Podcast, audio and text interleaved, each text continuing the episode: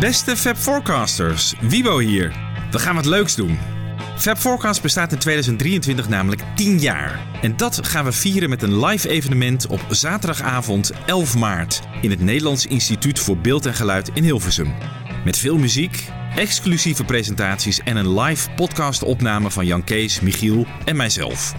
Hoofdgast is Mark Lewison, die speciaal uit Engeland voor ons overkomt. Hi, this is Mark Lewison and you're listening to Fab Forecast. Maar ook onder andere Jorik van Noorden, Rob Bolland en Piet Schreuders zijn van de partij. Wil je erbij zijn? Ga dan naar fabforecast.nl om een ticket te kopen of klik op de link in de beschrijving bij dit bestand. Een ticket kost 29,90 euro, exclusief servicekosten. Wees er snel bij, want er is maar een beperkt aantal plaatsen beschikbaar. We gaan er een geweldige avond van maken. A splendid time is guaranteed for all. Hopelijk zien we je zaterdagavond 11 maart in Hilversum. She's got a ticket to Fab Forecast. Ladies and gentlemen, The Fab Four. Fab Four. John, Paul, George, Ringo. Fab Four, we have for you the Fab Four. Fab Forecast. I hated the Philippines. And as soon as we got there, it was bad, bad news. It was one of those places where uh, you sort of knew they were waiting for a fight.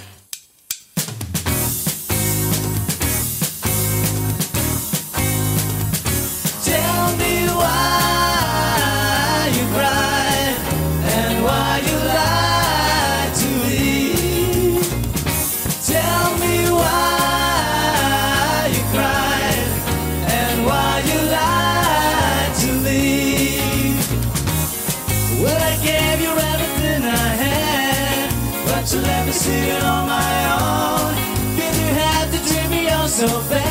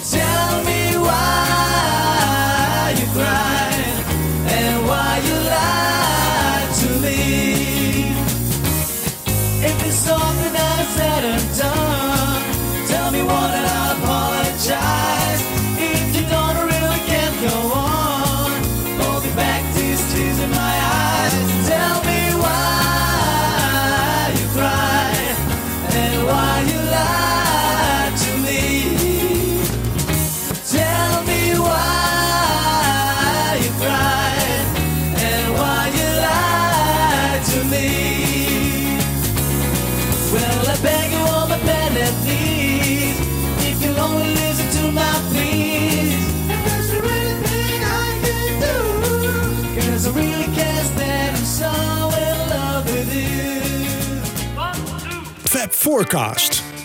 Ja, goedemorgen, goedemiddag, goedenavond, beste luisteraars. Welkom bij weer een nieuwe aflevering van Fab Forecast.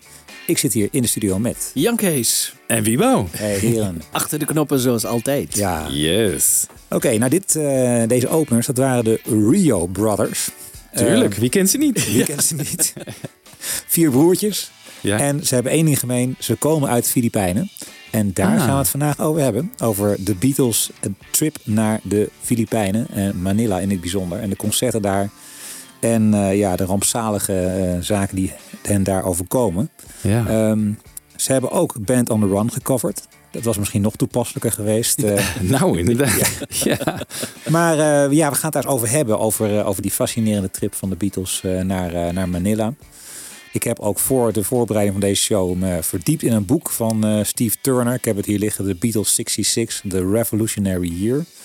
Maar misschien ook even de vraag aan jullie van hoe, hoe, ja, hoe zou je dat jaar kwalificeren in als een hoogte- en dieptepunt, eh Wiebo? Oeh, nou hoogtepunt natuurlijk Revolver. Dat is wel eh, echt een meesterwerkje. Waarin ze dus echt gewoon ja, de toekomst aangeven waar de muziek naartoe moet gaan, denk ik. Dat ze heel erg revolutionair geweest zijn. Ja.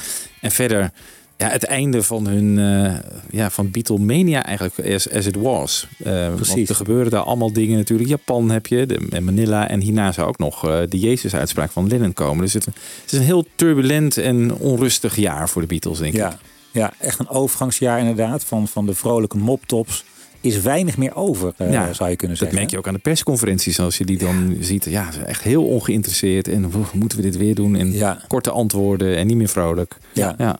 En ik denk ook het jaar waarin toch de Beatles een beetje uit elkaar gaan als het ware. hè. Ik bedoel, ze blijven een groep natuurlijk. Maar je ziet dat ze zelfstandig nog meer bezig gaan eh, met, met nummers. Ze werken nog in een groep, maar eh, het zelfstandig componeren gaat steeds een belangrijke rol spelen. En aan het eind van het jaar zie je natuurlijk dat John Lennon... die gaat naar Almeria en die eh, schrijft daar prachtige Strawberry Fields.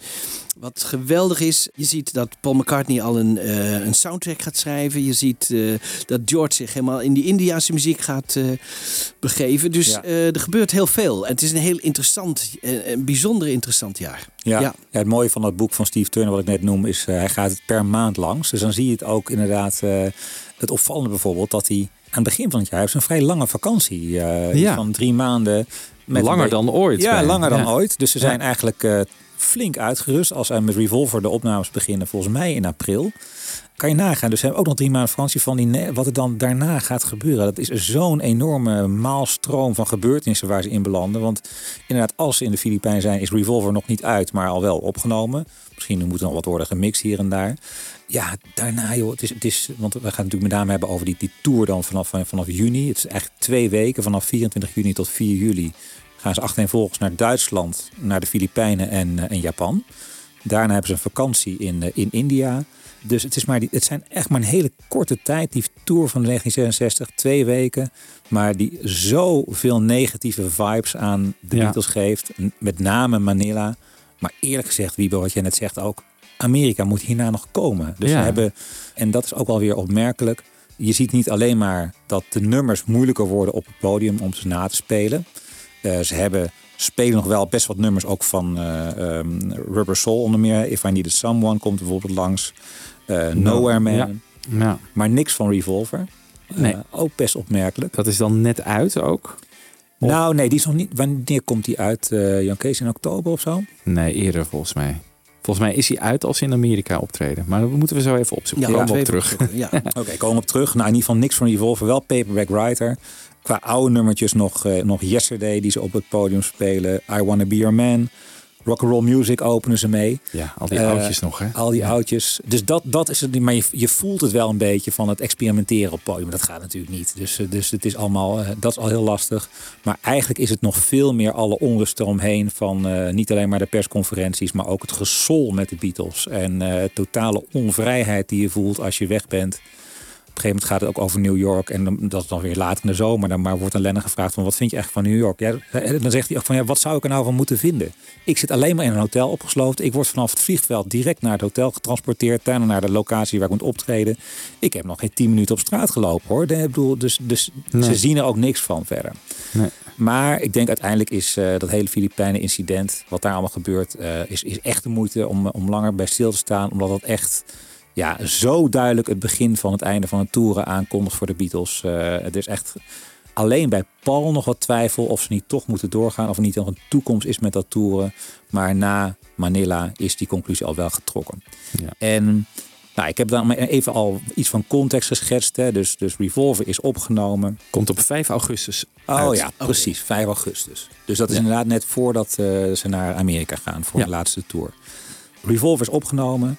Juni is de maand van, eh, van juni, eind juni tot, tot begin juli. Dus die twee weken dat ze gaan toeren. Beginnen in Duitsland met optredens onder meer in, eh, in Hamburg en München. Ook in Hamburg weer. Hè. Eh, Ja. Een kwestie van even nog even de, de oude reperbaan bezoeken. Is er niet Zit bij. er niet bij. Nee, Nee. veel te hectisch en, eh, en onveilig. Alhoewel Duitsland nog wel de meest gemoedelijke van de drie trips is. Ik bedoel, op wat stomme vragen persconferenties na valt het daar allemaal wel mee. Japan is al best wel een vreselijke ervaring. Maar het verschil tussen Japan en Manila is dat in Japan zijn er wel bedreigingen, zelfs doodsbedreigingen, omdat ze daar in de Budokan gaan optreden, wat een heilige zaal was voor de vechtsport, hè, de heilige Japanse vechtsport en ook voor de gevallen oorlogsslachtoffers eh, eh, van Japanse oorlog, waar Japan bij betrokken was. Eh, ja, daar was Budokan ook een soort heilige graal voor. Ja, en dan ga je dan een rock'n'roll concert geven. Nou, dat, dat stootte met name een aantal zeer militante studenten tegen het zere. Die eh, gewoon ook eh, doodsbedreigingen aan, aan het rest van de Beatles gaven. Maar de Beatles wisten dat niet. En dat is het verschil met Manila. Bij, in Manila komt in volle omvang de toren van de familie Marcos volledig over ze heen. In Japan is het Maar voor- bewust dan, hè? Want, want ze gaan bewust niet. Zeker. Ja, ja, ja. Nee, dus dat, heeft ook wel een hele aanwijsbare oorzaak. Maar wat de Maar overeenkomst... Japan was on- onbewust. Ja, onbewust, maar de, de, de overeenkomst is een beetje hetzelfde. Dat je gewoon een westerse en een oosterse cultuur met elkaar ziet botsen. De, de vrije, altijd voortstrevende en progressieve westerse cultuur die de Beatles vertegenwoordigt. Die botst gewoon tegen die traditionele culturen en waarden van landen als Japan en de Filipijnen. Maar dat zie je dus in Amerika ook. Dat daar eigenlijk de oude christelijke cultuur Ja. botst met de, de nieuwe jongerencultuur, zoals jij Ja. dat noemt. Hè? Van eh wij zijn beroemd allemaal, dan eh, Jesus. Ja, je ziet allemaal verwachtingspatronen van de mensen die, eh, waar, de, waar de Beatles op bezoek komen, zeg maar, die botsen met wat de Beatles op dat moment zelf vertegenwoordigen. Ja, en zij waren eigenlijk voorlopers, want die Budokan ook, hè, want daar gaan later nog allerlei grote artiesten optreden. Maar zij zijn dan eigenlijk weer de voorlopers Ja. van de, Ja, de ja, eerste die, die, die de kolen uit het vuur halen eigenlijk. Ja. Iemand als George heeft gezegd van nou, hij was heel erg onder indruk. waren mensen met enorme telelensen die op het publiek gericht waren. En hij dacht van nou, wat interessant. De beveiliging is hier wel heel goed, eh, goed op orde. Want ze zijn echt, eh, iedereen die zich eh, aan het misdragen is in het publiek hebben ze scherp in de gaten. Bleek gewoon om scherpschutters in het publiek te kunnen Hmm. spotten, daarvoor te zijn. Dus het was echt gewoon ja, heel erg indringend en op een hele nare manier zie je eigenlijk dat die culturen botsen. Ja, je had toen natuurlijk nog geen van die poortjes, hè? Van die, eh, Nee. die, die, Nee, die, dat, nee. eh, Wisten de Beatles dat eh, na de hand al vrij snel? Ja. Of? Nou, wat ik, eh, want ik heb eh, niet alleen maar Steve Turner gelezen, maar ook het boek van Tony Barrow, John, Paul, George, Ringo en Me. Echt een, ook een heel leuk boek, moet ik zeggen. En die zegt van dat soort dingen hielden toch een beetje geheim voor ze. Dus misschien Ja. dat ze het achteraf wel te horen kregen, Ja. maar Ja. dat werd een beetje stilgehouden. Alhoewel, was het niet in Amerika dat er dan een soort knal klinkt en dat ze toch even wegduiken? Dus- Zeker, ja, in Memphis. Ja. Ja, maar dat was weer een ander verhaal. Kijk, Amerika komt natuurlijk de Ku Klux Klan die zoveel media-aandacht genereert. Ja. Nog los van al die Beatles bonfires en zo. Ja, natuurlijk, dat wisten ze ook wel. Dat het daar ook helemaal niet lekker zat. Ja. Maar goed, het verhaal van de Filipijnen. Het is een grote gebeurtenis. Even als je het vergelijkt in de Anthology-serie... is het gewoon een apart hoofdstukje. Hè? Dat is Hmm. Trouble in the Philippines. Ja. Gaat gewoon tien minuten, hoor je de Beatles... alle drie de, de Beatles en nog stukjes audio van John... hoor je gewoon praten over drie dagen in de Filipijnen. Dus het is heel kort, maar het heeft enorm veel indruk gemaakt op ze. En eh, ook dus een hele bewuste keuze om er veel aandacht aan te besteden. Fijn dat we die audio hebben, want we hebben opmerkelijk genoeg van optreden daar geen audio. Dus dat hebben we we weten niet hoe ze geklonken hebben.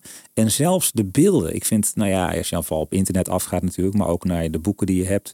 Ik vind het allemaal best wel spaarzaam. Eh, zelfs, Ja. ik kan me vergissen, misschien zijn er luisteraars die me corrigeren, maar ik heb geen bewegende beelden van de Beatles uit, eh, uit Manila gezien. Volgens mij zit er een stukje in Anthology. Zo'n heel Ja. groot podium.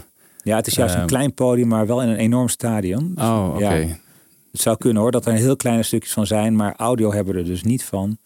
En eh, Maar echt dacht een podium met zo'n dak erboven. Dat het ook echt... ja, dat is eh, wel, eh, dat, dat is het ja. Ja? ja het Volgens mij daar iets van gezien Ja. in Anthology. Maar, Ja. maar heel maar kort. het is heel weinig. Ja, heel weinig. We hebben bijvoorbeeld de Beatles persconferentie, hebben we allemaal niks van.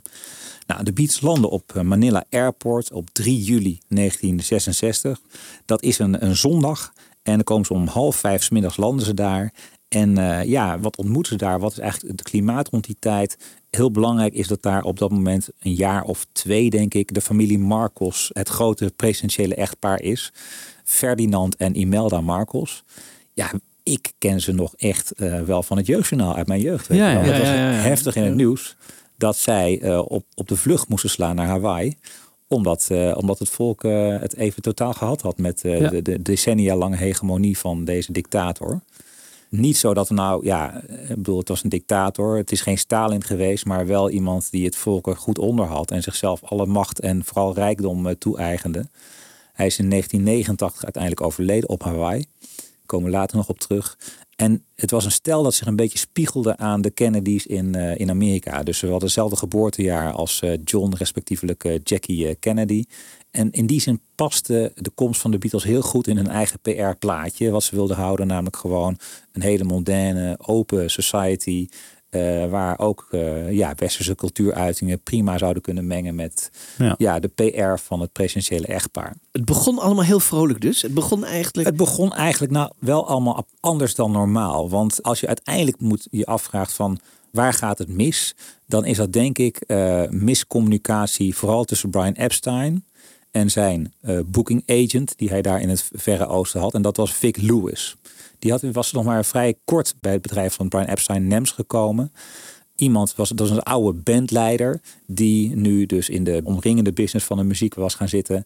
Dus tussen die twee klikte het nooit echt heel lekker, tussen Vic en, eh, en Brian. Notabene is Vic Lewis de enige, degene die later, als Brian overlijdt, NEMS eh, de dagelijks bestuur van gaat overnemen. Dus hij gaat Hmm. een, notabene het bedrijf leiden. Maar je hebt dus Vic Lewis, die daar eh, de, zaken voor de Beatles moest vertegenwoordigen, dus in de Filipijnen. En die communiceert met een naam die we ook heel weinig hebben gehoord in dit verband, maar die, die bekender zou moeten zijn, namelijk een man met de naam Ramon Ramos, een eigenaar van een mediabedrijf, Calvacate International Productions. En die is eigenlijk degene die het programma voor de Beatles verzint in de Filipijnen.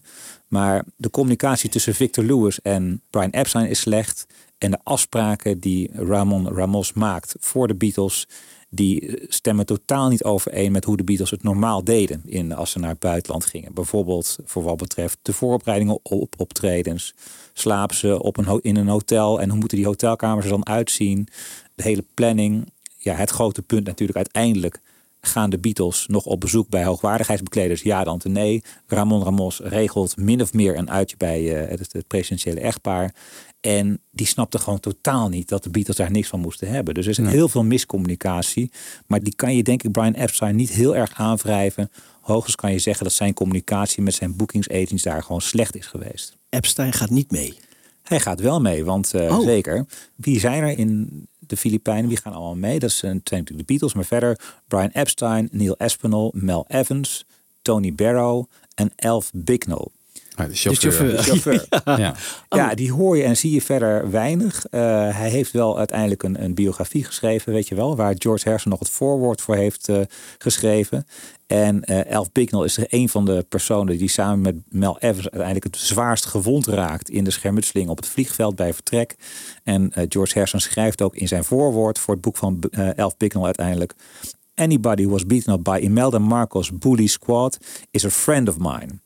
Even back in Manila in 1965, met een vraagteken erachter, we had a gut feeling that the Marcos were vile, dus gemeen. The Beatles always had good taste. Dus dat zegt eh, George Harrison zelf in het voorwoord voor het boek van, eh, van Elf Bicknell. Maar het is dus een man of negen. Ja, vijf mensen die de Beatles omringen. Het totaal met z'n negenen. Maar eh, wat gek, Epstein is erbij, maar die, die weet dan eigenlijk nauwelijks van het programma af Nee, of zo. dat is heel vaag. Ze stappen uit het vliegtuig en meteen zijn er al rare dingen. Een van de dingen bijvoorbeeld is wat gebruikelijk was, is dat ze hun koffers altijd met hun kleding en zo, dat ging door de reguliere check op het eh, vliegveld. Maar hun koffertjes, hun persoonlijke koffertjes, zeg maar een handbagage, die hielden ze altijd buiten zich. En daarvan was ook de afspraak, althans zo, zo ging dat gewoon op alle vliegvelden, die worden niet gecheckt. Dat is, eh, Want daar zit... eh, dat, dat Ja. had een reden, inderdaad. Ja. Meteen al bij het uitstappen uit het vliegveld gaat het een beetje raar. Ze worden niet op de grote centrale plaats van het vliegveld geleid, waar de duizenden fans staan eh, te, ze toe te zwaaien. Maar wordt naar een beetje een achterafdeel eh, geleid, stappen uit, stappen in limo's en rijden uiteindelijk naar een, een persconferentie op de Philippine Navy Headquarters. Maar heel even, wat wordt, Ja. worden hun persoonlijke... Bezittingen. Wel Nou, gecontroleerd? ja. Oh. Gebruikelijk was dat de Beatles hun eigen eh, koffers met, eh, met kleding en zo, dat die door de check gingen. Gewoon een reguliere beveiligingscheck op vliegvelden. Maar hun persoonlijke handbagage en bezittingen bleef buiten die controle. En daar gaat het ook meteen mis hier. Want in de Filipijnen eh, wordt hun persoonlijke handbagage ook van ze afgenomen. En worden zij zonder die handbagage in een auto gestopt op weg naar de persconferentie. Laten we even luisteren naar wat George en Neil Aspinall hierover te zeggen hebben. It was a negative, very negative vibe the moment we got off the plane. So we, we were kind of like a bit frightened. We got in this car, and not even with Neil. The guy just drove off with us four, and our bags were on the, um, the runway. They left them on the runway, and those little briefcases had the marijuana in them, right? So uh, I had to, uh, while while the while the confusion was going on and all this, I just sort of put them in the boot of the limo I was going to be in. And uh, and just said, "Take me to where you've taken the Beatles." I was thinking, God, you know, this is it. We're going to get busted. Nou, We're Gonna Get Busted, dat viel nog mee. Iemand als McCartney is later hier wel natuurlijk gepast. Niet zo heel erg ver daar vandaan. Nee. Nee. Je zou zeggen, hij heeft zijn lesje wel geleerd. Maar misschien ging het daar ook mis met, eh, met de handbagage. Dat, dat weet ik niet eens. Oh nee, daar lag het volgens mij boven in zijn kledingkoffer. Nee, anyway, uiteindelijk valt dat mee. Maar er is meteen behoorlijk veel stress bij de Beatles. Die zitten dus in aparte auto's. En die zijn op weg naar de Philippine Navy Headquarters. Ergens aan de kade. In de buurt van de haven. En daar hebben ze hun eh, persconferentie. Maar dus die aankomst is al anders dan gebruikelijk. En eh, eigenlijk voel je de hele trip dat er gewoon geen regie is. Er is niet iemand die duidelijk zegt hoe het moet, hoe het zal gaan. Ze lopen achter de feiten aan en worden eigenlijk geconfronteerd telkens met gebeurtenissen waarvan ze achteraf denken van zo hadden we het niet gewild, dat willen we anders Nee. en zo gaat het normaal anders. Maar hebben zij die Filipijnse autoriteiten dan zelf in het hoofd hoe het moet gaan? Of is, is het, het totaal... of is het gewoon Brian Epstein die de zaak verzaakt heeft? Nou, die heeft het wel verzaakt. En Maar die Brian, ik, ik denk, het is allemaal een beetje eh, ons kent ons daar in die Filipijnen. Althans, dat gevoel wat je krijgt. Zo'n Ramos is degene die het programma heeft gemaakt. En dat is natuurlijk weer vriendjes met, hem, met de politieagent en met de hoteleigenaar. En, Ja. met, en waarschijnlijk ook wel nog met, met Ferdinand Marcos, weet je Ja. wel, met Ja. de president. Maar zonder door Dus- te nemen met, met Ja, Epstein dan. Maar Epstein die weet daar niks van. Dus die wordt overvallen. En dat is niet alleen maar hier op het vliegveld. Maar later ook als ze naar een boot gaan. Daar weet Brian ook niks van. Maar daar zijn we nog niet. Laten we eerst even gaan luisteren naar eh, hoe het gaat met de persconferentie. Nou ja, dat zei je net al, Jan Kees. Van de, de persconferentie waren ook een groeiende bron van onvrede bij de Beatles. Ik vind het ook zelfs later in Amerika, in augustus, is het Ja. zo gênant. Wat die journalisten nog durven te vragen aan meisjes. Zo van wanneer denk je dat het Beatles-fenomeen overwaait, et cetera. Ook dat was weer van hetzelfde lakenpak in Duitsland, in Japan en ook op de Filipijnen. Well, I think I'm more quiet than the others because I got fed up before the others of all these questions, you know, like what color teeth have you got, and all, you know, just stupid questions. You so I just shut up until somebody asked me something worth answering. Questions like this. I don't know whether you know, but Mr. Edward Heath, the Lord Privy Seal, has said that he couldn't distinguish the other night what you were saying as Queen's English. Are you going to lose some of your Liverpool dialect for the Royal Show? George, do you think all this success is just a one-night stand, or can you settle down to a, a permanent life in showbiz and showbiz and showbiz? My name is Steve Turner, and I wrote the book Beatles '66. In Germany, they were asked, like, if you were in the Olympics, what sport would you enter? I mean, they're, you know, these are guys on the on the verge of releasing Revolver, you know, so they were they were getting visibly uh, exasperated with with this type of uh, press conference. When they came in and sat down at the table, all the photographers jumped up and went wild. I'm reading here from one of the press coverage at the time. How many times, he asked the hairy foreign general, do you have your hair cut? Question and answer followed the current cult of the absurd. What attracted their wives to them? Sex. What did their wives do when they were away? Have a holiday. What was their favourite song? God Save the Queen. And what was their second favourite? God Save the King. What would they be doing 10 years from now? We don't even know if we'll be around tomorrow. This was ominous, as was the reply to their question what was their latest tune? Philippine Blues. Het is verschrikkelijk, hè? Ja. Heel erg. Wat is je lievelingssport? Welke sport zou je uitoefenen? ja. ja, ik vind het wel, die Steve Turner zegt het wel heel, heel raak, heel goed inderdaad. Van dit zijn mensen die gewoon de, de vaandeldragers zijn van waar de populaire cultuur naartoe gaat in de komende de rest van het decennium. En die suffe, ja, die, de, het niveau van die journalisten is echt bedroevend. Konden ze niet gewoon zeggen, we geven geen persconferentie? Ja, dat vraag je af, inderdaad. Ik denk Ja. dat iemand als Brian dat gewoon niet wilde. Dat dat toch wel Nee. zozeer bij het pakket hoorde.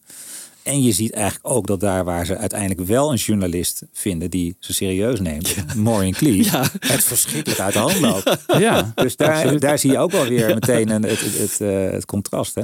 Ja. Maar het echte serieuze rockpers bestond ook nog niet Nee. in deze tijd. Hè? Die begint te ontstaan, zou je Ja. kunnen zeggen. Want eh, het blad Rolling Stone wordt opgericht in 1967. En een voorloper van dat blad is Crawdaddy. Dat is wel een bekende, nou ja, Ja. een beetje een underground eh, popcultuur tijdschrift. En dat ontstaat in 1966. En dat is een tijdschrift dat ja, zeker ook in plaat als Revolver duidelijk ziet van ja jongens, dit is zo'n serieus onderdeel van onze cultuur. We moeten dit serieus nemen, ook eh, in geschrift. Ja. Nou, we gaan even verder, want eh, nou, de persconferentie is dan afgelopen. En daar gaat het ook alweer eh anders dan de Beatles hadden verwacht. Ze gaan stappen in auto's en gaan dan naar eh, een jacht. Hè. Ze zaten al, zei ik al, bij de Philippine Navy Headquarters, dus in de haven. En daar ligt ook een boot voor ze klaar, want ze gaan een stukje varen. And they took us away and drove us down to the Manila harbor and put us on a boat, took us out to this kind of motor yacht that was anchored out in the harbour. I never really understood that. I never really understood why they got put on this boat. De Beatles, ja, eh, die willen dat wel. Die denken ook van, nou, lekker een beetje chillen. Het is bloedheet in, eh, in juli, begin juli in de Filipijnen. Die kan je iets bij voorstellen. In Amsterdam was het ook goed bevallen natuurlijk. eh, Ja. De boot. Ja, Ja. want dat had een reden. En dat, dat had die Ramon Ramos eh, in principe goed bedacht. Die dacht van, van ja, ik kan ze wel in een hotel in het centrum eh, gaan zetten. Maar hij had daar een soort fake boeking gedaan. En zijn gedachte van die Ramos was, we gaan ze gewoon laten slapen op die boot. Want dan is het veilig. Ze zijn eh, uit de kluwen van het centrum van Manila. Geen jongeren die ze daar kunnen lastigvallen. En daarna komen ze, eh, gaan we ze gewoon eh, ergens kort voor het optreden. Rond een uur of, want het zou geloof ik om vier uur, half vijf zou het eerste optreden zijn de volgende dag. Kort voor het optreden zouden we ze daar gaan, gaan droppen en kunnen ze gaan spelen. En daar merk je ook al van de trekken helemaal wit heet weg als ze dat horen. Want die denken van ja, wacht even. eh slaap op de boot tot daaraan toe. Maar ze hebben echt een hele pre-show routine. Van toch dik twee uur van tevoren aanwezig. Instrumenten stemmen, pakken aantrekken. Dus niet even binnenvliegen. En dan hadden ze ook nog, maar daar kom ik zo meteen op. eh, in het programma staan van dat ze om drie uur even een kort bezoekje aan het eh, paleis zouden brengen. Nou, dus wat ik al zei, die regie die is gewoon totaal weg. Nou, dat jacht dat blijkt toe te behoren aan een Don Manolo Elizalde. Die is eigenaar van een groot Filipijnse mediabedrijf, de Manila Broadcasting Company. En ook een vriendje van eh, Ramos en ook van Ferdinand Marcos. En de gastheer op die boot is de zoon van deze Elizalde. En die heet Fred. Eh, die heeft net, eh, is net afgestudeerd aan Harvard. En eh, die heeft daar op een gegeven moment ook zijn vrienden uitgenodigd. En ze gaan een beetje chillen. En het is allemaal tamelijk gemoedelijk. De Beatles luisteren een beetje naar Ravi Shankar op de boot. Ze drinken whisky en cola. Roken wat joints die ze delen met de gastheer. Tot op een zeker moment er ook 18 vrienden van die Fred, van die zoon, aankomen. En het wordt heel druk. En dan denkt Epstein op een gegeven moment van ja, nu vind ik het echt niet meer leuk worden. En krijg dan ook te horen dat het allemaal is afgesproken tussen Vic Lewis en Ramos. En eh, die Ramos heeft dus ook het hele programma eh, vastgesteld. En helemaal met de gedachte van het is juist fijn om de Beatles op die boot te hebben, omdat het veilig is. Maar goed, voor Brian is zo langzaamaan de maat vol. Ze gaan terug naar de haven en moeten dan naar het Manila Hotel gaan. En wat blijkt dan? Eh, ja, juist omdat de gedachte was dat de Beatles daar zouden slapen op die boot, is er geen hotelkamer geboekt. Dus ook heel bijzonder. Dat verzin je ook niet, maar er is geen. Ja, ja. Dus Stante Pede moet daar, moet Vic Lewis als een idioot daar proberen eh, kamers te gaan regelen. Allemaal eh, zeer belangrijke personen. Die moeten uit hun huidige hotelkamer. Ah. Want de Beatles hadden ook weer speciale eisen. Ze hadden altijd volgens mij op één verdieping zaten ze. En ze hadden sowieso de Beatles ieder twee kamers, zeg maar. Want ze sliepen nog bij elkaar op de kamer. En duo in, in setjes volgens Klopt. mij. Ja, ja. En, en dan natuurlijk eh, de anderen erbij. Ja, dus ze zitten, nou ja, dat hotel dat moet dus eh, worden, worden geregeld. Dat lukt uiteindelijk wel. Maar ik heb ergens, en dat stond in het boek van Steve Turner, dat de Beatles om vier uur 's ochtends daar inchecken. Dus ze hebben dan toch nog echt lang doorgehangen op die boot. Komen uiteindelijk aan. Het is tijd om te gaan slapen. En dat moet ook wel, want ze hebben twee grote optredens nog die ze staan te wachten.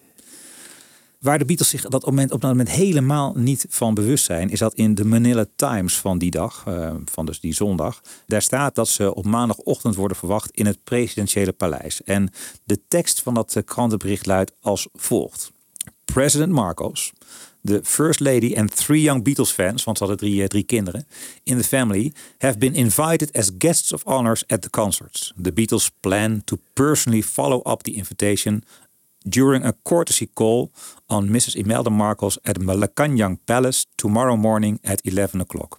Dus dat stond al in de krant van de zondag, dat de Beatles op maandag daar om 11 uur zouden aantreden. En ze zijn bijzondere gast bij de optredens. Ja, uiteindelijk zijn ze volgens mij, maar dat heb ik ook, dus ook niet meer kunnen achterhalen, niet meer gekomen. Want ze voelden zich natuurlijk enorm beleegd dat de Beatles niet opkwamen dagen.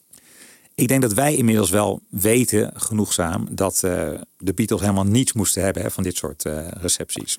Nee, dat hebben ze in 1964 in Washington Ja, eh, ja toen, met, dat, met de haarkniprel. bepaald. Ja. Ja, inderdaad. Ja. De haaknipperel. Dat iemand van eh, echt een ambassadeur of zo. Ja, ja, die ja, hoogwaardigheidsbekleder. Die heeft gewoon een stuk van Ringo's haar af. Ongelooflijk allemaal. Ja. En dat was op de Engelse ambassade in Washington, geloof ik. Ja, hè? ja, dat klopt. Dus daar en dan hebben ze echt gezegd, we gaan, we nooit gaan dit nooit meer doen. Nee. Wij trekken ons eigen plan als we op tour zijn.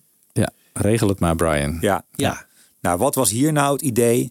Imelda Marcos had bedacht, ik ga op het presidentiële paleis de Beatles verwelkomen om 11 uur. En ik nodig daarbij ook uit, ja, de getallen variëren enigszins. Ik heb gelezen over 200, 300 of zelfs 400 kinderen van de aristocratie. Dus dat paleis was natuurlijk gigantisch, maar alle vriendjes en vriendinnetjes van de kinderen van Marcos, die mochten, waren allemaal uitgenodigd. Ik denk dat de complete school is daar gewoon uitgerukt Ja. om de Beatles daar te zien en met ze op de foto te gaan. En eh, dat was het idee. Ja. Maar n- nou heel even, hè, eh, Michiel. Ze gaan naar die boot. Eh Epstein gaat mee. Ze, ze merken al, oh, maar we moeten hier ook slapen. Oh, er komen ook in één keer van allerlei mensen op die boot. Dan ga je toch aan die Ramos vragen of aan die Ja. Vic Lewis. Van wat hebben jullie nog meer eh, gepland? Wat, wat is er nou meer Ja. allemaal? Hè? Eh, want dat willen we nu wel weten. Wat Ja. gaat er allemaal gebeuren? Ja, ik denk dat dat juist niet is gebeurd. Want in die chaos rond, die, eh, rond de wisseling van bijvoorbeeld vanuit de boot toch weer naar het hotel. Hebben ze gewoon niet even rustig met elkaar het hele tourprogramma doorgenomen. Van wat staat er eigenlijk morgen op programma? Ik denk dat Brian Epstein zat heel erg met, met in zijn hoofd van we gaan gewoon ons reguliere programma. Dat deed ze al jaren natuurlijk. Ja. We hebben gewoon twee uur van tevoren. We gaan vanuit ons hotel, bestellen een taxi. En zorgen gewoon dat we op tijd bij de eh, locatie zijn. Dit, wat jij zegt, had gemoeten. Maar is gewoon niet gebeurd in die chaos van zo'n Ramos. Die daar zelf dat programma maakt. En daarin ook had opgenomen over. Want dat, is- dat, en dat is ook een beetje vaag. Want in het, ik las net het krantenbericht voor dat het om 11 uur zou zijn. Ramos had in zijn programma opgenomen dat er om drie uur misschien ruimte zou zijn voor Ja. een snel bezoekje aan Imelda. Ja. En dat is ook weer heel curieus, want ja, dat, had, dat hadden de Beatles nooit gedaan, zo kort van tevoren. En Ramos, die heeft denk ik wel aangevoeld toen dat op die, op die boot zo slecht ging van, ja, dit gaat gewoon niet lekker lopen. Ik ga gewoon die Beatles niet confronteren. Eh, die heeft dat bewust ook verzwegen Oh ja. met het feit dat ze morgen eigenlijk op het paleis worden verwacht. En da- nou, daar gaat het dus ook mis. Dus de Beatles die weten daar eigenlijk dus niet van.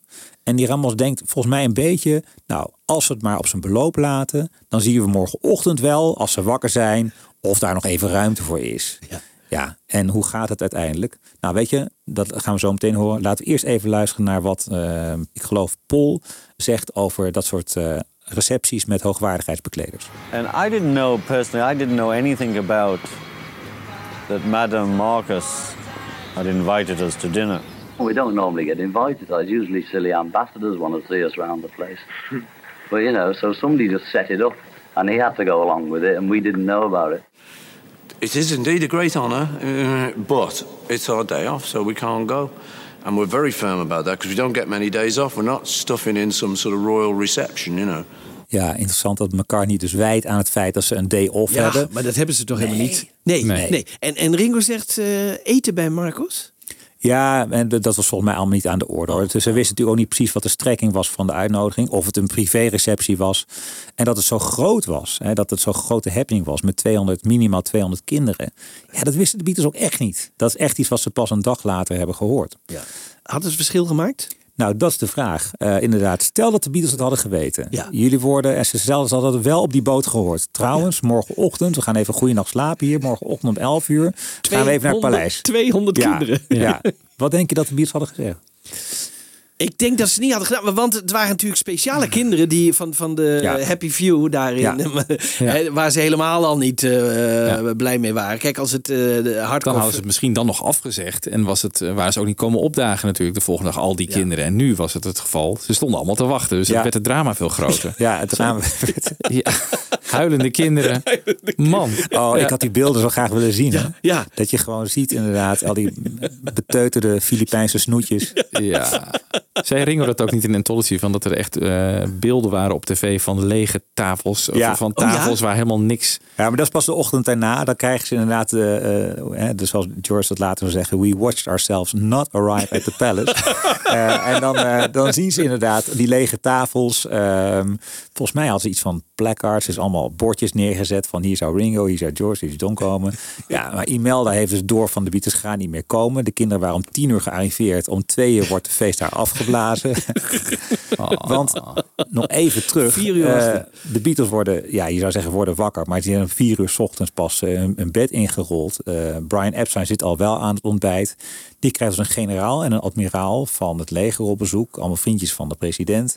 En die zeggen, ja, jullie worden echt acuut verwacht op het paleis momenteel om 11 uur. Je moet er daar echt komen, ze wachten op jullie.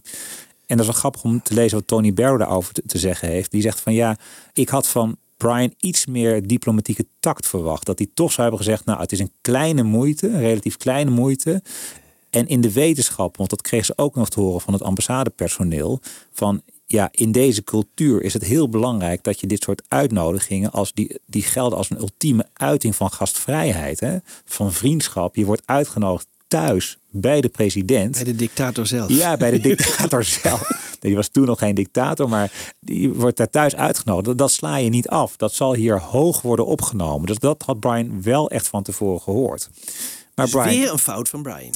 dat kan je zeggen. Eh, dat is wel, eh, uiteindelijk moeten we maar gaan evalueren. Maar het is wel een fout dat het is in ieder geval een verkeerde inschatting geweest van hoe, hoe slecht dat zou landen daar. En hij heeft echt zijn poot heel erg rigoureus stijf gehouden. Hij heeft echt gezegd van de Beatles slapen. Er is geen haar op mijn hoofd die erover denkt om ze gaan wakker te gaan maken. Ze hebben vanmiddag een optreden. We gaan gewoon niet nog een heel groot programmapunt er tussendoor doen. Punt. Heel simpel. Dus ondanks die waarschuwing van het ambassadepersoneel, ondanks aanwezigheid van hoogwaardigheidsbekleders, eh, dus die, die generaal die er zelfs bij was, gaan de Beatles dus niet. En krijgt ze gewoon eh, eh, nul op een request. En is het dus afgelopen. Nou, Paul die is daar allemaal niet echt van op de hoogte. Die is al wel vroeg wakker geworden namelijk. En die is met Neil naar Makati gegaan. Een van een financieel district in Manila. En ook naar een aantal minder goede eh sloppenwijken. En hij komt in het hotel en ziet daar dat het een e- enorme chaos is. Nou, eh, het schijnt zelfs dat Vic Lewis eh, daar in zijn pyjama nog eh, rond heeft gelopen in die chaos. En, en ziet van jongens, we, eh, eh, we moeten nu echt snel gaan komen. Eh, wat kunnen we die Beatles overhalen? Maar eh, het wordt gewoon helemaal niks. Paul had wel eens een eentje kunnen gaan. Misschien dat de schade nog goed Ja, was nou, geweest. ja, dat- zo had je het creatief kunnen oplossen. Ja, Ja, was Dat- toch Maar. Werd het bekend dat Paul die Sloppenwijk heeft bezocht? Want dan werd het natuurlijk nog bozer, die Marcus. Nee, Want dat dat weet- hij wel nee, naar de, naar nee. de Sloppenwijk ging, maar niet Maar naar het laat wel zien, want er was volgens mij in India. Ze gaan na de Filipijnen naar India. Ja. Ze waren toen al erg bezig ook met toch verdiepen in de plaatselijke cultuur. En ja, de wetenschap dat de wereld niet alleen maar bestond uit eh, die, die hoogwaardigheidsbekleders, maar dat ook echt sloppenwijken waren daar. Ja, daar want hij waren- moet, daar opgevallen, hij moet daar toch opgevallen zijn als Beatle en als, als Westerling. Ja. Te midden van al die Filipijnen. Ja. Nou, de ambassadeur van Engeland is er niet, maar wel een Leslie Minford, iemand van de ambassade. Die maakt ook duidelijk van het is zeer onbeleefd om te weigeren om in iemands huis eh, te komen. Maar het baat allemaal niet en zo houdt het uiteindelijk op. Nou, de hele optredens die moeten dan dus nog beginnen. En eh, Ja. het eerste concert is om vier uur, dus in het Rizal Memorial Football Stadium. En daar staat nogal een groot publiek voor ze te wachten. 30.000 man voor de middag, voor het middagconcert. En nog eens een keer 50.000 voor het avondconcert. En dat concert in de avond was daarmee het op één na grootste Beatles concert ooit. Daar sta je- 50.000? Vijf- Daar sta je dus niet bij stil. Nee, ongelooflijk. 50.000. En er hebben nooit zoveel mensen op één dag de Beatles zien optreden. Als in uh, ook interessant. hè? 80, dus 80.000, Ja. dat heb je natuurlijk met Shea Stadium Nee, ook nooit gehaald. 65 of zo was dat ik, hè? Ja.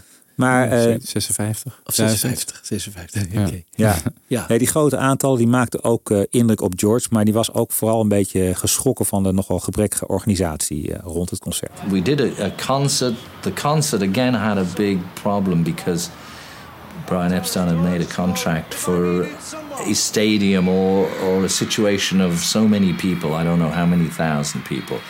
Maybe, uh, you know, two, or, two to 5,000 people, something like that. When we got there, it was like the Monterey Pop Festival. I mean, it was just millions. There was 200,000 people in that site.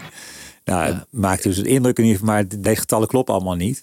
Maar wel, Ja. eh, derde fout, Epstein, hè? Moeten we hier even constateren. Nou ja, je ziet, dat vind ik wel bij, bij George inderdaad, is een analyse. eh, die legde de bal heel erg bij Epstein, ja. Ja. Maar misschien is het toch ook wel zo. Want ik bedoel, eh, als zij hadden geweten dat ze voor 30 en 50.000 mensen moesten optreden. Ja. Dat maakt toch wel een verschil. Ik bedoel, Maar wat had het uitgemaakt? nou ja, ik, ik, ik neem aan met, met- met alleen al de, de versterking en zo. Want de- Ja, ja. Die, die, die paar Fox-versterkertjes, die konden natuurlijk Ja. Of misschien de beveiliging. De beveiliging. Ja. maar die was volgens mij op zich wel op, op goed. orde. Maar het publiek was nog niet van op de hoogte dat ze, dat ze niet bij de Marcos waren. Nou, ja, het grappige is, want uiteindelijk wordt de sanctie op het niet verschijnen op het paleis. Dat ze alle beveiligingsmaatregelen die waren toegepast en die waren betaald ook door de familie Marcos. Dus eh, die hebben ze allemaal te danken aan die familie. Die verdwijnt gewoon. Ja? Maar daar hoor je nog helemaal niks over bij de optredens. Terwijl het hele incident is natuurlijk al geweest. Nee, het, het oppoken van het relletje is eigenlijk pas vanaf eh, de dinsdagochtend aan de orde. Als ze in de krant lezen, als ze wakker worden, dat het presidentiële echtpaar is een snap heeft gehad van de Beatles. Maar rond concerten is de beveiliging nog wel echt op orde. Maar wel is, wordt inderdaad wel gezegd in de recensie, geloof ik, van laat van het optreden. Dat het geluid dramatisch slecht was. Dus je kan je ook voorstellen, inderdaad, als niks je te ergens eh, in- op de achterste ring zat Ja, van het dan voetbalstadion, je dan hoor je helemaal niks. Nee. En je zag ook niks. Nee. Eh, nee. Nou ja, ehm, hoe begonnen die optredens daar? Die begonnen altijd, misschien mag ik even een drumroll horen, eh Wiebo, van de, eh, het Filipijnse volkslied. Komt ie hoor. Ja, heel fijn.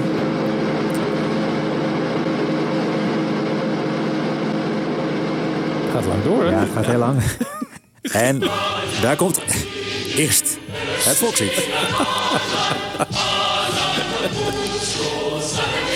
en daarna hebben we het voorprogramma.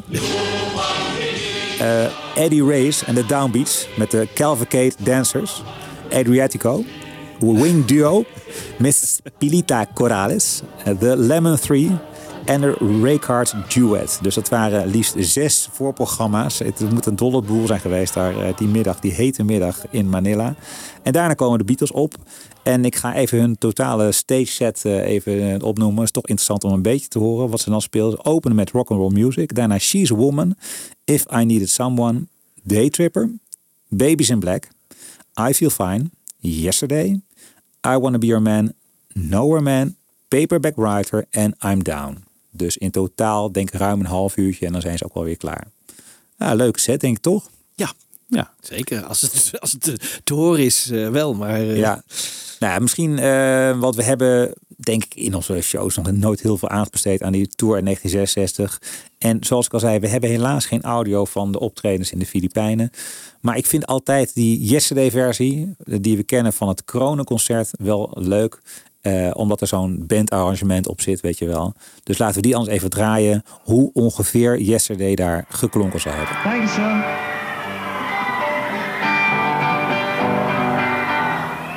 Next song from Beatles for Sale, Langspieler, heißt Yesterday.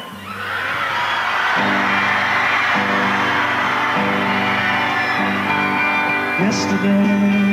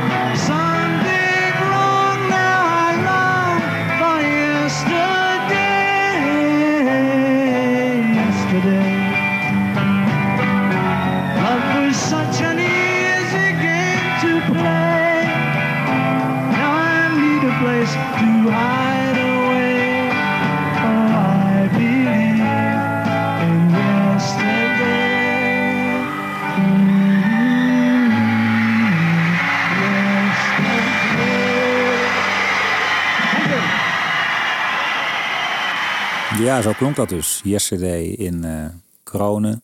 Waar is dat ook weer? Is dat, is dat Hamburg? München, toch? München, München, ja. München, ja. Ja, langspelen. Ja, langspelen. Beatles voor C, langspelen. Ja. Die George en de jaartal, dat gaat nooit echt lekker, hè? En de platen. Nee, platen. Nee, Nee. Revolver, Rubber Soul, geen Ja, verschil. nee, geen verschil. Ja, precies, ja. Yesterday, Beatles for Sale. Manila in er, 1965. ja. Nee, maar goed. Nee. Het is allemaal één grote blurry eh, periode. Nou ja, die concerten gaan denk ik op zichzelf eh, wel goed. Daar hebben we verder weinig eh, verhalen over gehoord. Dus de enige recensie die ervan verschenen was van... eh, nou ja, de Beatles waren geweldig. Het geluid was verschrikkelijk. De Beatles gaan slapen en denken van... nou, we hebben het wel gehad hier on the strip. We zien al uit naar hun volgende etappe op de reis. Namelijk naar New Delhi. Maar dat loopt toch een beetje anders. Want ze worden op eh, 4 juli in de ochtend als volgt wakker. And we phoned down for breakfast from the newspapers because we always like to read about ourselves. I thought, yeah, can we have, you know, egg and bacon, whatever we were eating in those days, and the newspapers, all the newspapers, you know. yes. We were just hanging out in our beds, uh, chatting, you know, doing whatever we were doing, and uh, so time went by, so we called down again. Excuse me, you know, can we have the breakfast? Blah, blah, blah. And uh, still nothing happened. And so we put the TV on. there was this horrific TV show of Madame Marcus screaming, you know, they've let me down. and uh, all these shots of the cameraman took the camera onto like these empty plates and up into these little kids' faces all crying because the Beatles hadn't turned up. And the TV commentators saying, and they're still not here yet, and you know, the Beatles are, you know, supposed to be here, and we sat there in amazement, couldn't believe it, and we just watched ourselves not arriving at the at the presidential palace. Now, I don't recall much of what happened after that until the newspapers arrived and the TV news and everything. It was Beatles snub first family. Ja. Ik zei net trouwens 4 juli, het moet 5 juli zijn, want we zijn natuurlijk inmiddels op dinsdag. Hè, dus eh, Ja. ze hebben er twee nachten gehad. En eh, in de middag om half vijf moest op het vliegveld zijn voor het vertrekkende vlucht naar New Delhi. En ja, in de ochtend merken ze opeens van oké, dus het is echt heel slecht geland. We hebben kennelijk een enorme fout begaan door daar niet te verschijnen. En dat is eigenlijk de, de grootheid van de gevolgen, zeg maar, die wordt, wordt ze eigenlijk pas bekend op de dinsdagochtend. En wat is de straf die de Beatles overkomt? Nou dat zei ik net al. Eh, De, alle veiligheidsmaatregelen die waren betaald door de familie Marcos, die worden opgeheven, die worden niet toegepast. En ja, zoals eh, Tony Barrow het uiteindelijk beschrijft, die zegt van the driver of our baggage truck seemed to be the last adult in Manila to get our cause. Dus dat was de enige die begreep van waar wat we nog moesten doen. Ze moesten nou met een bagage naar het vliegveld komen. Maar er was dus niks geregeld. Ze hebben waarschijnlijk geen eens een ontbijt gehad 's ochtends. Moesten zelf hun tassen tillen, uitchecken. eh, met gezwinde spoed naar het eh, vliegveld. Ja, en daar is het helemaal vreselijk wat ze overkomt. Daar heeft waarschijnlijk de familie Marcos gewoon een bevel gegeven. Die ze heeft een hulptroepen erbij gehaald om de Beatles even flink ervan langs te geven. En ze alle hulp die ze zouden moeten krijgen om op het vliegveld te komen, eh, om die te onthouden. De liften deden het niet, eh, roltrappen deden het niet. Ze moesten alles zelf tillen. Ze werden in, op een gegeven moment in een soort aparte ruimte van links naar rechts gesold, zou je kunnen zeggen. En zelfs de baas van het vliegveld, een man met eh, de naam Willy Jurado, die heeft later in 1984 in de Los Angeles Times nog met enige trots gezegd: I beat up the Beatles. I really thumped them. First I socked Epstein and he went down. Then I socked Lennon and Ringo in the face. I was kicking them. They were pleading like frightened chickens. That's what happens when you insult the first lady. Dus het is, nou, en de foto's die je daarvan kent, die zijn ook wel schokkend hoor. Je ziet echt gewoon dat er eh, geduwd en getrokken wordt. Het schijnt dat eh Elf Bicknell inderdaad het ergste aan toe was. eh, maar ook Mel Evans een bloedend been. Gewoon een enorme wond op zijn been. Hoe kwam dat? Ja, ook gewoon, er wordt gewoon Geschopt. geschopt. Je wordt gewoon Ja. geschopt en de Beatles zelf zijn niet heel erg toegetakeld, maar het heeft enorm indruk op ze gemaakt. En eh, luister ook maar even naar deze terugblik eh, van de Beatles op eh, de gebeurtenissen op het vliegveld. I mean, did somebody did, they come up and start physically threatening you? Yeah, Well, we got. Yeah, go on. We that. got to the airport, and our road managers had a lot of trouble trying to get the equipment in because the escalator's been turned off and things. So we got there and we got turned, uh, put into the transit lounge, And then we got pushed around from uh, one corner of the lounge to, to another, you know. You treat like ordinary passenger. Ordinary Yeah. passenger, they were saying. Chicken. We're ordinary passenger. What? He doesn't get kicked, does he? and so they started knocking over our road managers and things, and everyone was falling all over That the started worrying you when the road manager got knocked over. Yeah, and I swear there was 30 of them. What do you say they were? Well, I saw five in sort of outfits, you know, that were sort of doing it, the actual kicking and, and booing and shouting. Did you get kicked? In? No, I was very delicate and moved every time they touched me. but I, I was petrified. I don't. I could have been kicked and not known it. I just know I was getting booed. You haven't been if you're going to have these battles. You know, Yes, well, yeah, I just never go to any nut houses again. Would you go to Manila again, Oh, George? no, I didn't even want to go that time. Me too. No, because we'd heard that it was a terrible place anyway, and when we got there, it was proved. Very sort of cowardly anyway of them, because they were obviously, you know, trying to make it rough for us and knew we couldn't do anything back because all the papers had sort of turned against us. So, you know, if they'd have started something, it would have been all the Filipinos there against us, probably. And we couldn't even say anything on the way to the plane. Like the press was saying, some of them that hadn't quite seen it with radios, you know, they'd been waiting at the other end. Say, well, what was it like? There's a bit of booing going on, with it, but never, you know, will you be back? And I was dying to say. Ja, dit is allemaal terug in Engeland als ze geïnterviewd worden door de BBC. Maar eh, je hoort ze in geur en kleuren vertellen. Ja. ja. Nog even, want we hebben Brian Epstein wel een paar keer als streng toegesproken. Met name jij, eh, Jan Kees. Eh, maar die heeft nog wel geprobeerd daar iets aan te doen. Hij heeft namelijk op een gegeven moment een statement eh, voorbereid. Voor eh, een van de kanaal wat in de Filipijnen veel bekeken werd.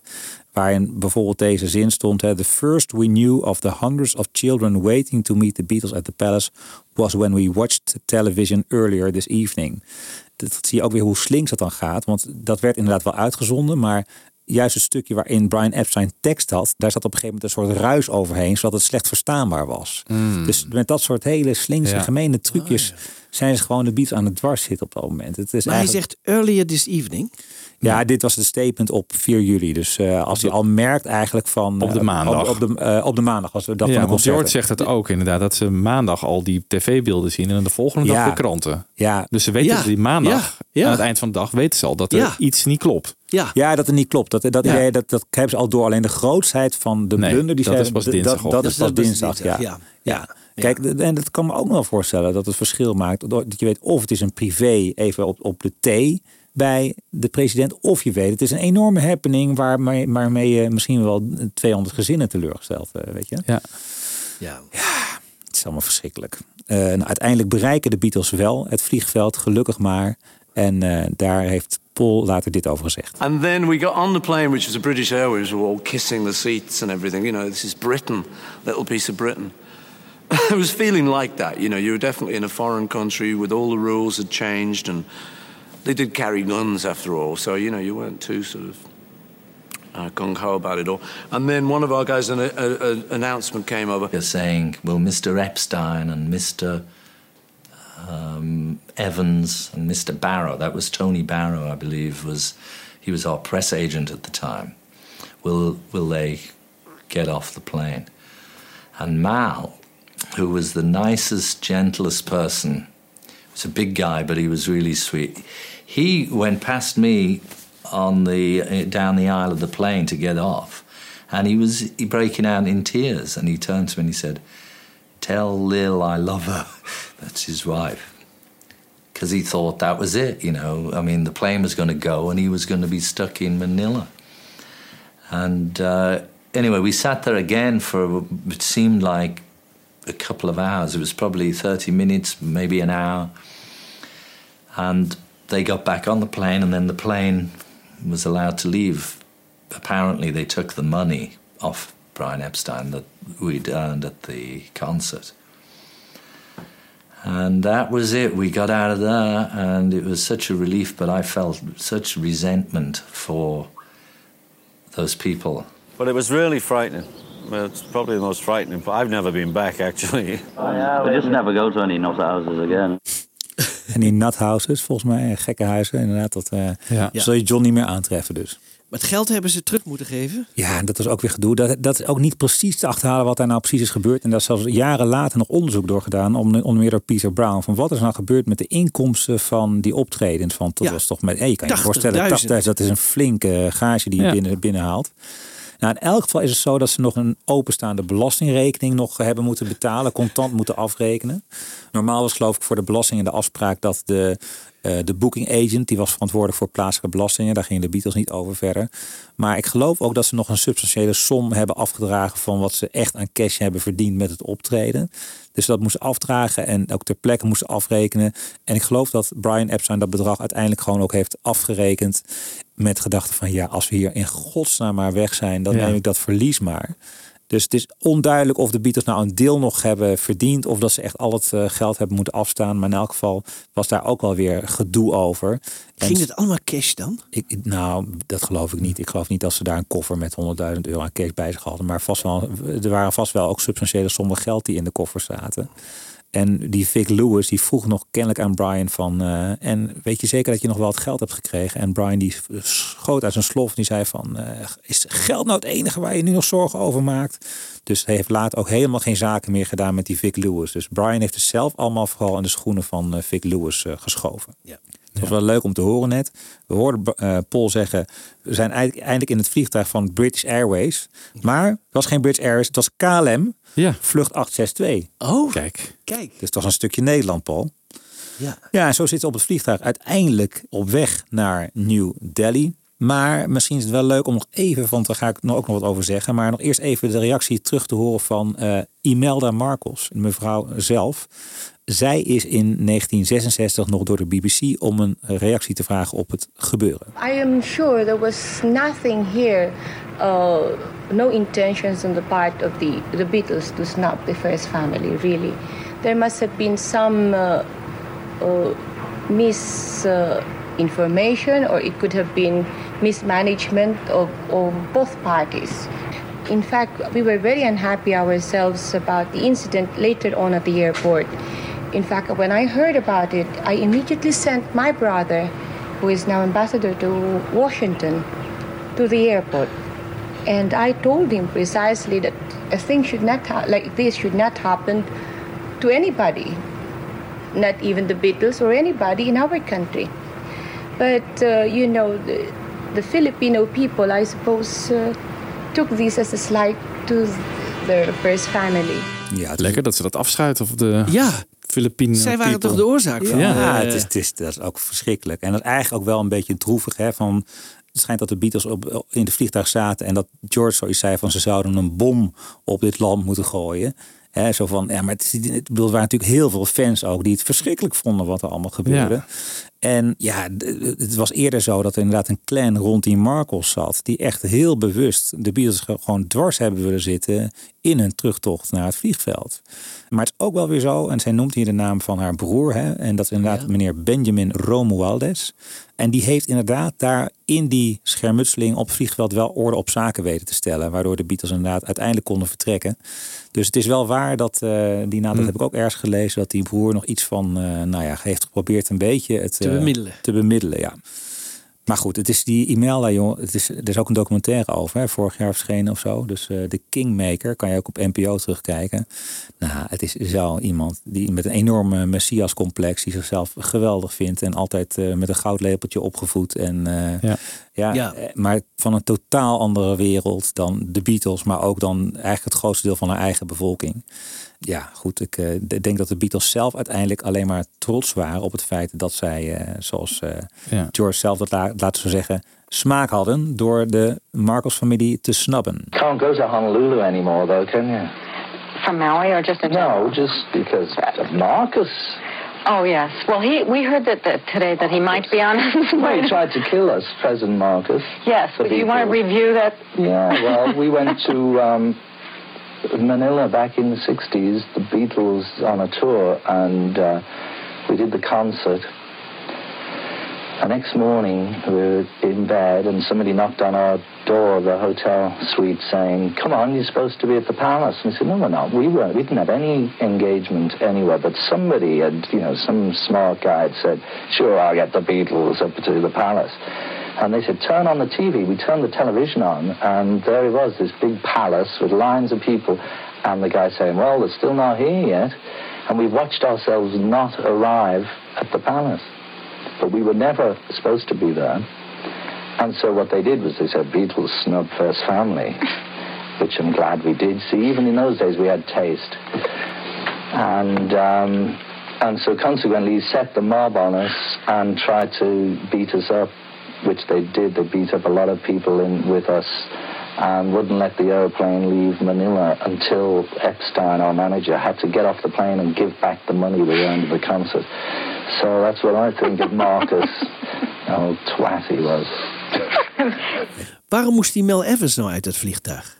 Ja, dat eh, Mel Evans en Tony Barrow moesten allebei uit het vliegveld. Waarschijnlijk, en dat zegt Tony Barrow uiteindelijk in zijn boek, van omdat er geen enkel bewijs was dat ze überhaupt waren geland. Dus die, die paspoorten waren niet goed afgestempeld. Dus dat moest, eh, maar het is natuurlijk allemaal gewoon maar pesterij. Ja, het gaat helemaal nergens over. Nee. Hoe wordt er, weet jij hoe er nu op teruggekeken wordt in, in, in, op de Filipijnen? Nou, best wel een go- goed punt. Want dat was mijn volgende. eh, Ja. het is Oh ja. natuurlijk, we hebben allereerst een, een wel leuke podcast. Die als je verder geïnteresseerd bent. En ik heb ook een paar dingen uitgelicht voor deze show.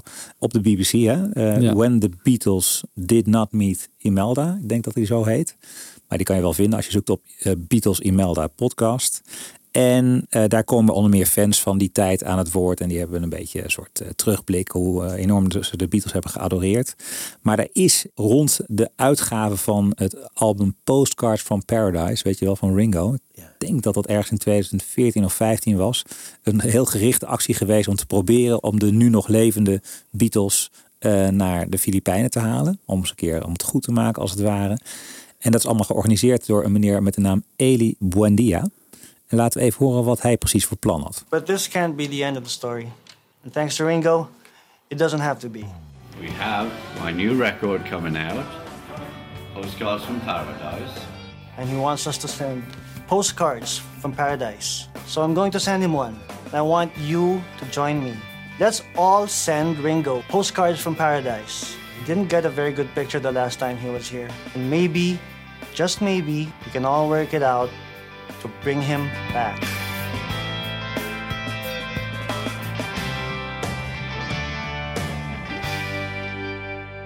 Well, it's probably the most frightening. But I've never been back actually.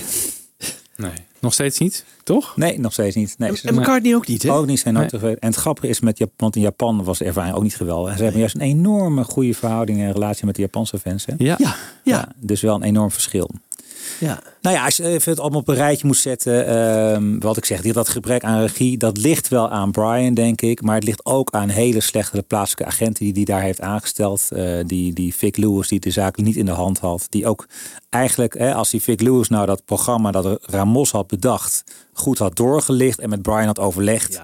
Ja, dan was natuurlijk het enorm probleem wel voorkomen. En als we meteen ook duidelijk kunnen zijn van we gaan helemaal niet naar dat soort paleizen, doen we nooit. En we zijn altijd om twee uur. Als we om vier uur beginnen met optreden, zijn we er om twee uur. En dan heb, maar dat is allemaal niet gebeurd. Dus ze zijn daar een beetje naïef ingestapt.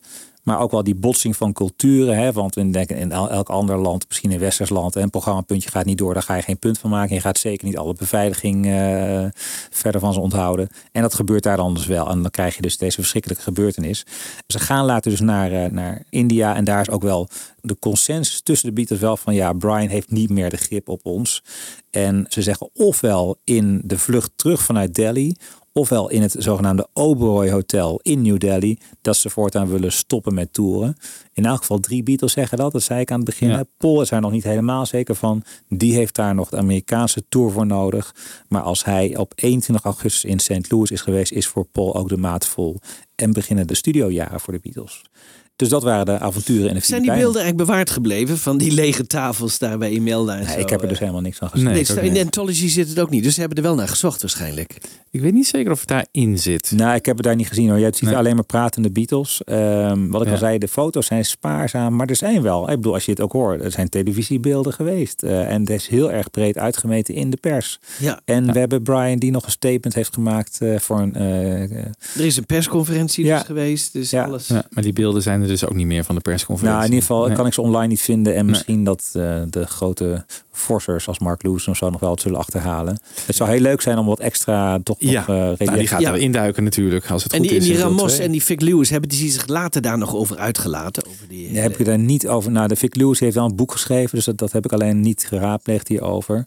Maar die, eh, Ramos. ja, die Ramos, daar ben je wel benieuwd naar. Ja, ja. ja. Ook niks ervan gevonden, nee. Oh. Maar goed, dat was het avontuur. Ja. Waar gaan we ermee uit, jongens? Nou ja, laten we misschien eh, nog iets van diezelfde tour doen, maar dan uit Japan. Uit Japan? I'm down? Ja, dat lijkt me een Vind goede de afsluiter. Laatste nummer ook dat ze daar speelden in Manila. en toepasselijk qua de inhoud. Ja, doen we dat. Tot de volgende keer. Thank you very much. Thank you. Well, yes, thank you. Well, this this next song now uh, will have to be our last song for this afternoon. And so, before we go, we'd like to say to everybody, thank you for coming. Thank you very much, and we hope you've enjoyed it. You tell lies thinking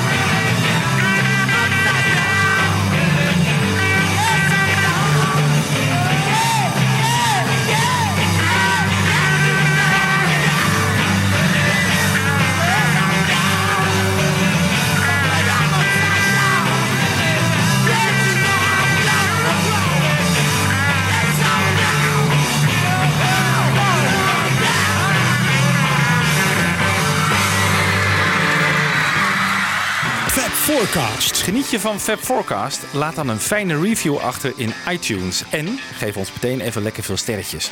Dat helpt andere luisteraars weer om ons te vinden. Heb je vragen? Mail dan naar fabforecast.gmail.com of kijk op onze pagina's op Facebook en Twitter. En de afleveringen van Fab Forecast zijn ook te beluisteren via beatlesfanclub.nl.